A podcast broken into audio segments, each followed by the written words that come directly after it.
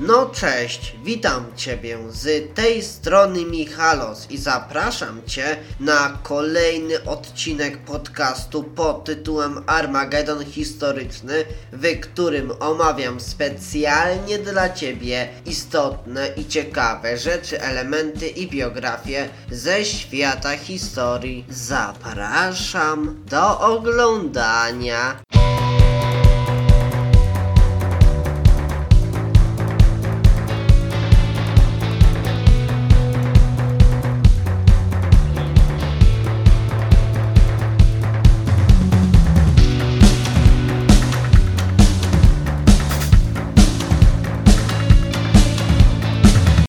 Tematem tego odcinka będzie wyprawa wileńska. W połowie kwietnia 1919 roku, po przeprowadzeniu koncentracji swych wojsk, Józef Piłsudski podjął skuteczną ofensywę na Wileńszczyźnie, już niemal w całości opanowanej przez bolszewików, a w zdobytym po ciężkich walkach Wilnie Polacy powołali do życia zarząd cywilny ziem wschodnich, a w dniu 22 kwietnia 1919 roku Piłsudski ogłosił odezwę do mieszkańców byłego Wielkiego Księstwa Litewskiego, w której zapowiadał pomoc władz polskich w swobodnym wypowiedzeniu swej woli przez miejscową ludność co do dalszej przyszłości tych ziem, a po operacji wileńskiej ofensywę kontynuowano zajmując znaczne obszary Białorusi wraz z Mińskiem i umacniając się na linii górnego Dniepru i Beryzny. A co ciekawe, odebrano bolszewikom nawet Dźwińsk, który przekazano następnie istniejącemu już niepodległemu państwu łotewskiemu, a na południu w polskich rękach znalazła się duża część Wołynia z Kamieńcem Podolskim, a te sukcesy polskiej armii były zaskoczeniem dla państw sprzymierzonych i podważały opinię reprezentowaną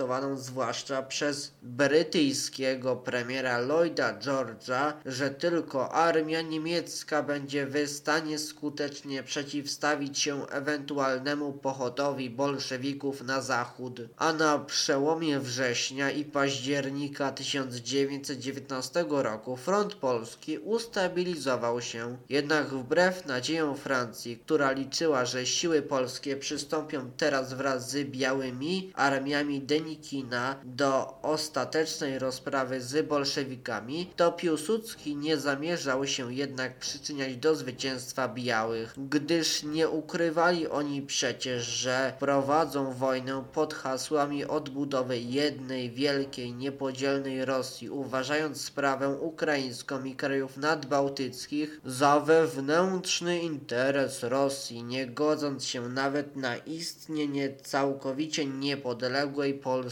Zresztą, co nie było bez znaczenia dla polskiej racji stanu, w ewentualnej przyszłej wojnie z bolszewikami Polska mogła liczyć na wojskową pomoc. Państw sprzymierzonych, natomiast w żadnym wypadku nie mogła jej oczekiwać przy spodziewanym zatargu z Rosją Białą, a zwycięstwo bolszewików w wojnie domowej w Rosji oznaczało więc wówczas dla polskiej polityki mniejsze zło i to zdecydowało o dalszym kierunku polityki Piłsudskiego. Niestety ten odcinek dobiega już do końca, więc bardzo Cię proszę o udostępnienie i polecenie tego filmu innym osobom za pomocą Wola na Facebooku czy za pomocą innego narzędzia. A tak w ogóle zachęcam Ciebie do zostawienia łapki w górę i komentarza pod tym filmem oraz do zasubskrybowania mojego kanału YouTube, do zaobserwowania mojego konta na Instagramie o nazwie Michal Michalos, a także do zaobserwowania podcastu pod tytułem Armagedon Historyczny na swojej aplikacji. Z góry dzięki za okazaną pomoc. No dobrze, to do usłyszenia w następnym odcinku. No to cześć, pa.